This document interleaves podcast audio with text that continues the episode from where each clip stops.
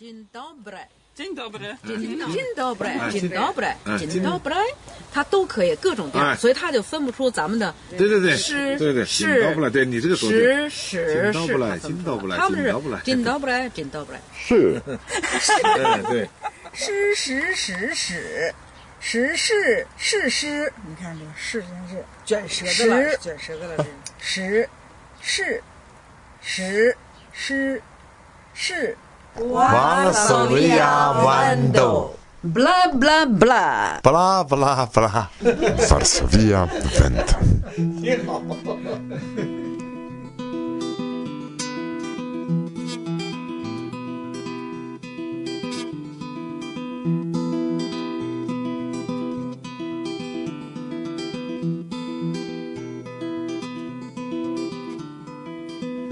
stare vido ce la pordo del somero kaj kiel ciam vi malfruis. Mi bezonis por momento revivigi la revon kiun mi detruis. Ciu vi audas min nun? Mi ne mancas la malcerto sed min mancas la leĝero Che la voce de tene Ciu tage dum la jaro e mi pensaris pri vi ciu Vi anca pensas pri mi plu.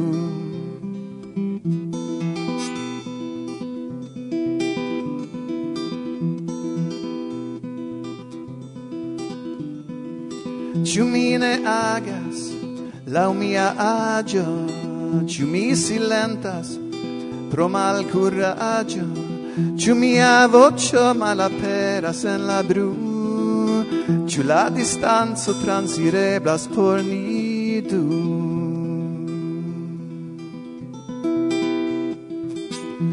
ne mancas la malcerto sed min mancas la legger Che la voce de tener Ciu tage dum la iaro mi pensaris pri ciu vi anca pensas pri mi plu Yes, mi ripetas min kaj elusigis la tem. Se vi pardonis min ciu mi pardonos min mem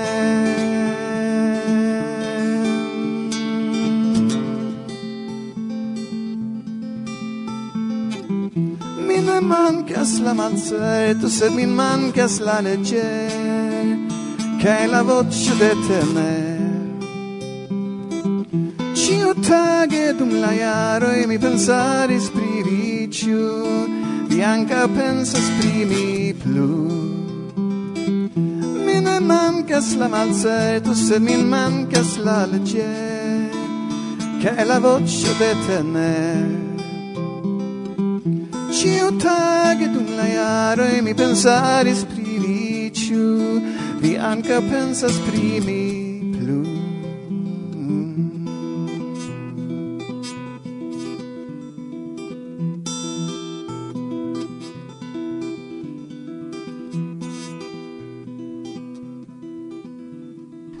Memoras mi la koncerton.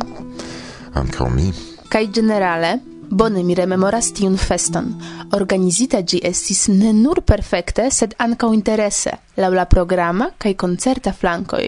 Absolute vi pravas, kaj tiujn el intervii, kiuj ne vere scias pri kio temas, mi instigas krom aŭskulti la sonraportan elsendon pri tiu evento, la ligilon, kiel ankaŭ la aliaj vi trovos en priskribo de la programo. Festo, festo, festo de kiu vive registrita voĉo de Martin Wiese prikolorigos ci elsendon. Nun, cantisto el la grupoj amplifiki persone, amico de la talpoi, cae ce la ocaso gaininto de la unua premio dum la dua musica concurso de contacto. Valoras aldoni. Pro super bazaro. Yes. Kaj eh, ankoraŭ nenion vi scias pri Martin Wiese.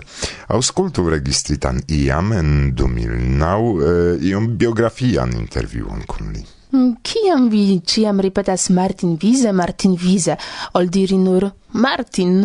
Ĉar eh, la cefa intervjuo en ĉi elsendo estas ancau kun Martin kaj ancau el Svedio. Ah, nun mi comprenas. Martin Street do ankaŭ muzikisto, kvankam ne nur estos nia gasto hodiaŭ. Mi aŭdis ke ne nur no yes, dum noro en Zabruken aperis ideo de kunlaboro inter ni.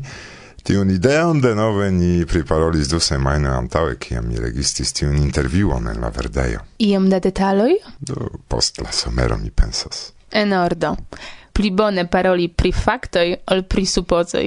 Kompreneble yes. Do, prezentu ni kion por la nuna programo ni preparis. Iom eh, vi excios pri evento kiu okazis antaŭ nelonge en nordokcidenta angulo de Polando, nome la tria Szczecina Esperanto printempo. Mencios ni pri koncerto de ŝanĝo en Varsovio.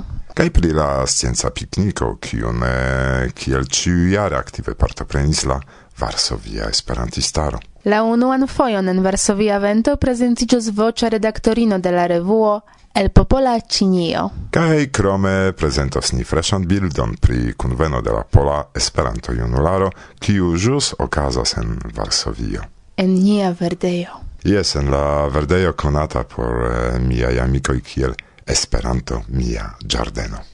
Valoras mencii, che samtempe en Lodzo dauras congreso de la Pola Esperanto Asocio. Venis tie Agnieszka, rówdzia kun mikrofono, do iom eh, viexios pri la evento. Prezentos ni ankaŭ elektitaj de nia redakcio articoloi, la lasta kontakto.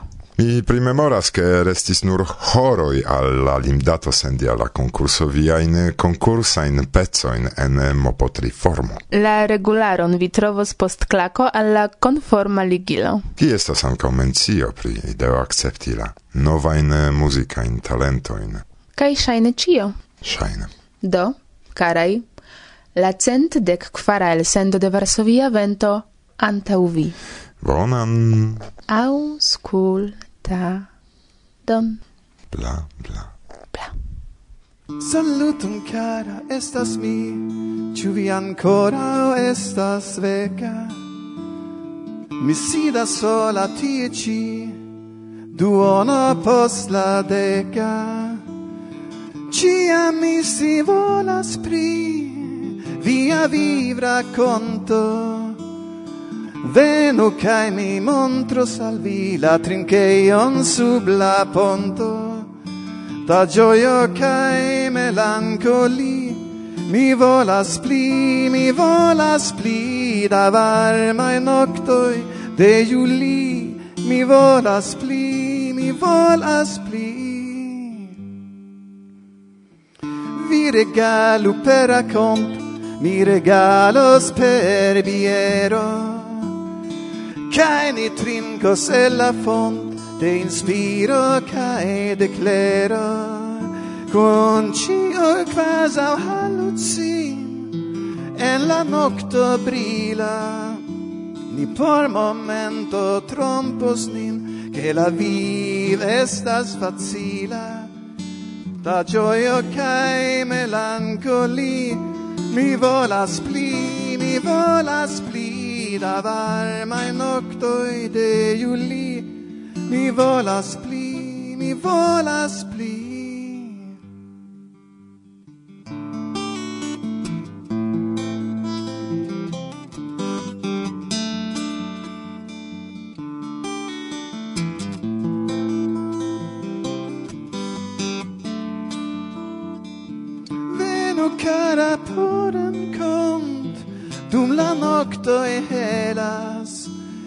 la trincheio sub la pont la vivo belas. Da gioio cae melancoli mi volas pli mi volas pli da varma noctoi de juli mi volas pli mi volas pli Saluton cara, estas mi, ciu vi ancora? estas veca.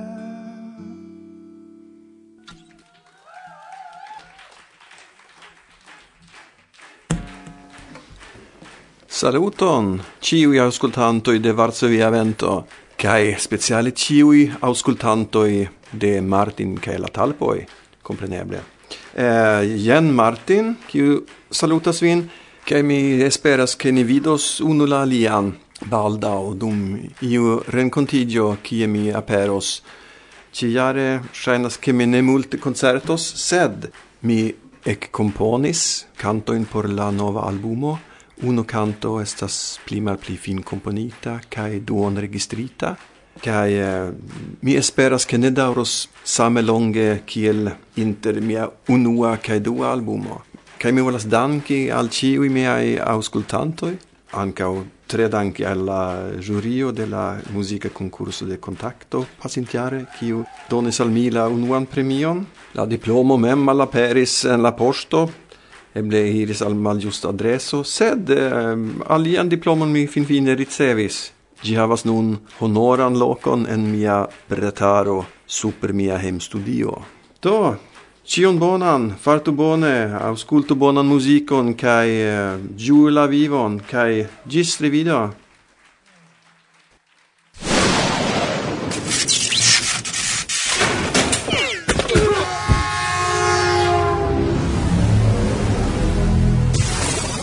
Ciam, se temas pri kontakto, ni instigas vin aboni gin au almenau pruntopreni kaj tralegi, prezentante al vi interesajn artikolojn. Tamen Almenau krom salutoj gis nun ne okazis, ke ni dankis alla la ĉefredaktoro, dankal kiu la revuo aperas kaj estas tiel interesa. Mi ne scias, ĉu vi scias, kiel pena tasko estas labori kiel homo, kiu respondecas pri la revuo esperantista. Ne temas nur pri la klopodo komposti ĝin, trovi ĝustan grafikon kaj presejon, sed temas pri la enhavo, kun laboro kun la homoj, Foje convinco de geamicoi helpu, scribu ion, char ancorau estas loco cae neniu gis nun ion ain scribis. Do tial rimarku ancau tiun verkiston, kiu kutime alvocas alla legantaro en articolo redakcie, kai almenau iom pripensu kiel pesan taskon havas li krom tiu eta articoleto, kiun ciam li redaktas. Ha, Jenner, mi ne scias, ču aliaj scias, sed mi scias kaj ni scias, ke valoras vin ne nur saluti, sed ankaŭ al vi danki, grave danki, pro tiu valora por la esperantista movado laboro. Kaj sidas apud mi bone konata de vi pupa shafeto kiu ankaŭ kore salutas vin. Ramunie! parolis Agnieszka. Ramunie! Kaj Ramunie diris. Varsovia vento.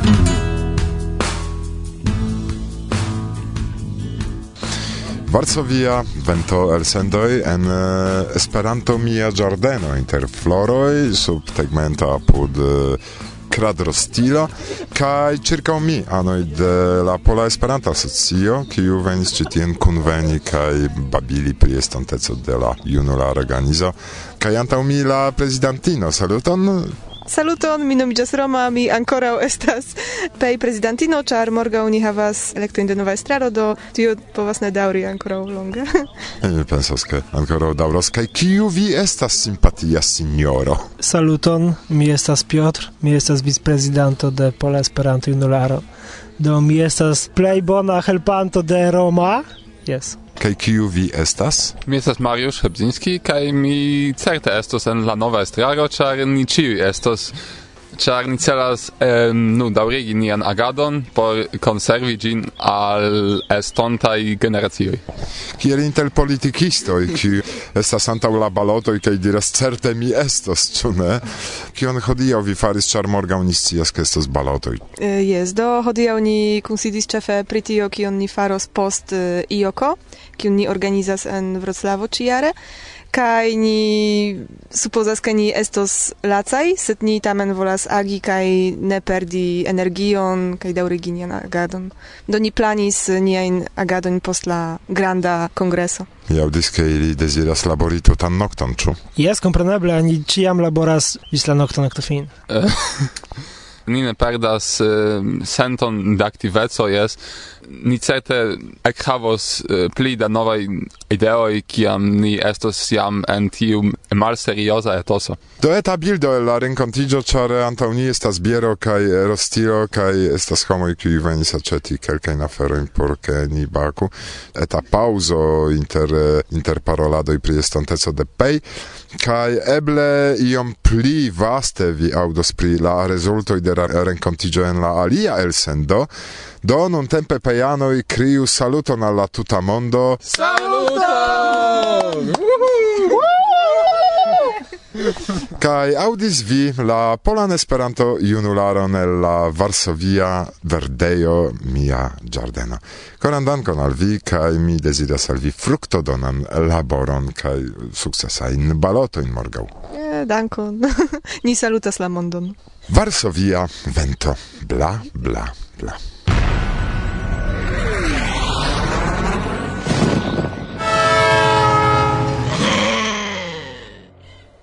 Saluton! Komence en Wikimedio, Wikipedioi havis proprajn arojn de fotoj kaj sonoi. Nun cio collectigas en unu projekto nome Wikimedia Komunejo. Ancorau en la esperantlingva Wikipedio ne ciui sendas fotoin au sonoin alla comuna dosierbazo. Sed exemple en la pollingva versio jam ne existas locai dosieroi la Wikimedia Comuneo en havas jam pli multe ol 31 milionoj da dosieroj. Inter ili estas miloj, multe pli ol ok, kiu estas tre utilaj aŭ belaj. La Wikimedianoj decidis, ke ili estas elstaraj bildoj. Inter tiuj, ciujare, oni elektas la plej eksterordinarajn bildojn. Do tio estas electado de la plej bonaj el inter elstaraj. Tiu, kiu ŝatus partopreni la elektadon kaj voĉdonadon, devas esti Wikimediano, almenaŭ kun sepdek kvin redaktaĵoj ĝis unua de januaro 2006.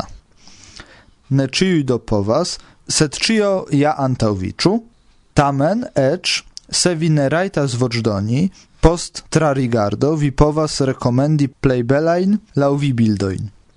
La ligiloin al concerna pagio serĉu en prescribo de la programo. Pagio de la concurso estas comuneio du punkto bildo de la iaro. Ce la fino mi devas mencii, ke vocdoni oni raitas gis la dudek oka de maio du. Do, rigardu la fotoin, exciu, ču inter la wikipedistoi, troviĝas ancau extraordinarai fotistoi. Se ne, eble vi estos tia en estonteco. Kun la wikipediae salutoi al vi ciui, kie ein vi loĝas. Marek. Varsovia vento, kompreneble. Vi povas altri men poi se vi captas la melodion et se vi ne captas per nur. kiel puras vi kai kiel spuras vi amikon havu vi fidelan tre kiel puras vi kai kiel spuras vi amikon havu vi fidelan tre Baldau fugas jonat sai tagoi, baldau fugas jonat sai tagoi, kai niam venos kai niam venos kai niam venos ire.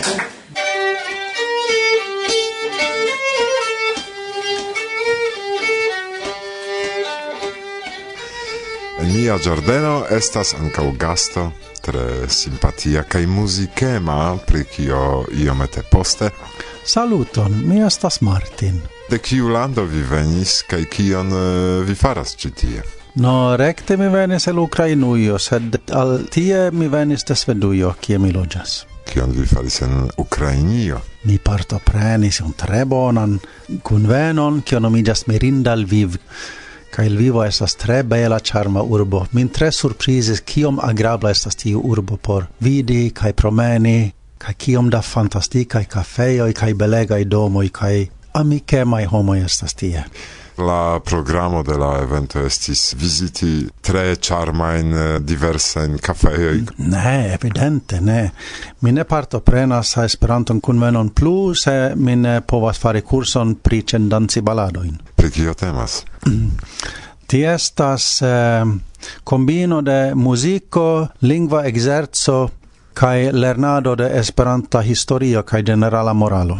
Exemplo? Eh, mi nun collectas baladoin por iu verco, kai mi havas du cent quardec nau baladoin, mi pensas, kai mi credis che mi haltos je cent, poste credis che mi haltos je du cent, nun kan redas che eble mi povas halti je du cent quindec, ni vidos.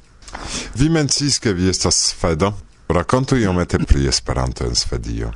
Esperanto en Svedio havas um, fakte tre fruan historion. La dua Esperanto klubo en la mondo kaj la unua Esperanto klubo en la mondo kiu ne estis antaŭe Volapuka klubo fondiĝis en Svedujo en Uppsala. Kaj lastjare en la Sveda Esperanto kongreso ni kongresis en tiu sama domo kie fondiĝis tiu klubo. Kaj nun estas iu nova parko tre centre en Uppsala malgranda parco qui estas dedicita alla Esperanto pioniro Valdemar Langley. Fai mi anca verkis pri li baladon kiu provas resumi lian viv historion sen fantazio, nur factoi. Vi capablas tion balladon presenti nur almeno fragmente? Venu iam conegin in ancendanzan fero Ancarni historion conu cae fieru heroan Cantu forte, frappe pasu danzan cae ridet Tu belas nova tag cantu forte. Nun auscultu ian baladon belan mi racontos pri signoro curagia che oduran devon frontos cantu forte. Frappe pasu danzan cairi det Tu belas nova tag, cantu forte, en Francuio hugenotoin regio persecutis, fugis l'angleoi del despoto, cae exilon salutis, cantu forte, frape pasu danzon cae ridet, belas nova tag, cantu forte, En Svedujo poste vivis bona architecto, char lia prapatro fugis, tien viv protecten, cantu forte, frappe pashu danzon cae ridet, canto, belas nova tag, canto forte, verkis fabelojn por infanoj kaj instruajn librojn fraulino Matilda kun elano voĉis amajn vibrojn canto forte, frape paŝo danzon kai ridet canto, belas nova tag, canto forte, ĉu vi ne volas ke mi fin canto la unuan parton? Hej, do estis mia kontribuo. en kiu cirkonstancoj vi esperantistiĝis? Kiam vi eksciis pri Esperanto? Kiam mi estis infano, mia patro ricevis laboron en Afriko, en Tanzanio, poste en Kenio. Mi estis nau jara. Kai kiam mi estis dek sep jara, mi revenis al Svedujo, Mia familio ancora estis en Afriko, sed mi electis studien svedujo por ne perdi la senton esti svedo. Kai en Afriko mia patro laboris en la tielnomata helplaboro li instruis al afrikanoj matematikon kaj fizikon kaj multaj samlandanoj kaj liaj kolegoj kaj tiel plu estis aktivaj en diversaj help helporganizoj, instruistoj kaj aliaj por ke tiuj landoj evoluiĝu. Kai mi frequentis en Tanzania iun skandinavan baslerneion. Kai ni lernis niain lingvoin, kai pri historio, kai pri ni ai nazia i liberezza heroi, ni lernis pri la historio de Europa, al cresco de nazismo kai tiel plu. Tio do formis niain pensmanieron, kai idealon, kai tiel plu. Kai kion mi vidis circa mi en Afriko? Tutte ne congruis con tio che mi lernis en lerneio. Char exemple nazismo en Afriko estas absolute la malo de la nazismo en Europa. Tutte ne temas pri tio che i parolas sian propran lingvon au respektu sian propran kulturon, sed tiui landoi, tiui statoi, tio progresso, cion ili nomas progresso, temas pri tio che la africanoi farigiu europanoi. Lau lingvo, lau culturo, lau pensmaniero, lau religio, kai cio. Kai se iu volas conservi sian afrikan kulturon kai plu paroli sian afrikan lingon oficiale au en pli progressa circunstanzo tiu povas forgesi ke iam gainos monon au ricavos bonan laboron au io ain oni simple ne consideros tiun homon. Kai kia mi revenis al Svedujo, mia capo estis plena je demandoi kial kelkai kulturoi kai kelkai lingvoi estus pli valorai ol aliai. Tio ne congruis en mia capo kun kion mi lernis pri demokratio kaj memstarezzo de popoloj kaj tia plu. Kaj mi estis dek sep jara o eble dek ok jara kiam mi unuan fojon en Svedujo ekaŭdis pri Esperanto. Mi komprenis ke Esperanto havas la respondoin al miaj demandoj kaj mi decidis ke mi lernos tiun lingvon.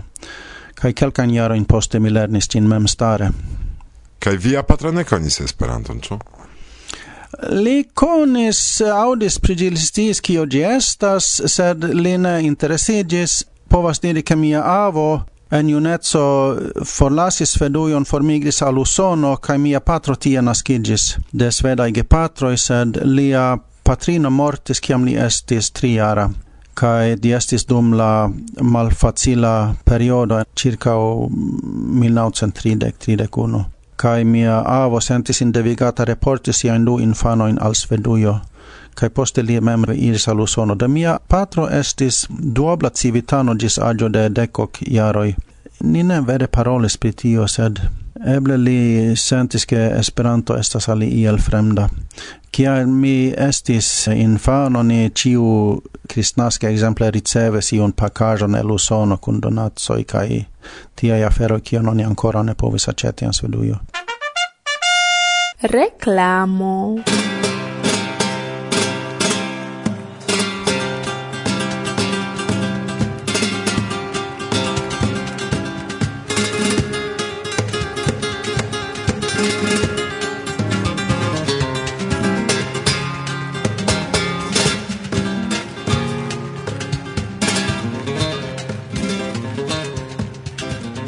Ĉu vi ŝatas Hispanion, ĝian interesan kaj viglan kulturon, varmajn dancojn, bongustajn manĝojn kaj trinkaĵojn? Ĉu vi ŝatas Esperanton, la lingvon kiu ligas nin ĉiujn, kie ajn ni loĝas? Tiuj ambaŭ temoj renkontiĝos inter la 30 de junio kaj 4 de julio 2016 en Herra.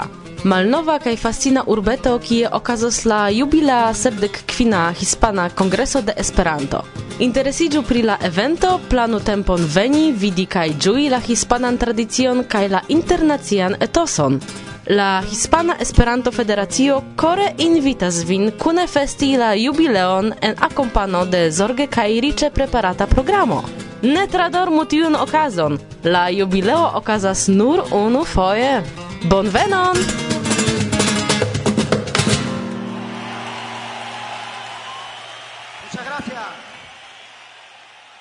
para su viento.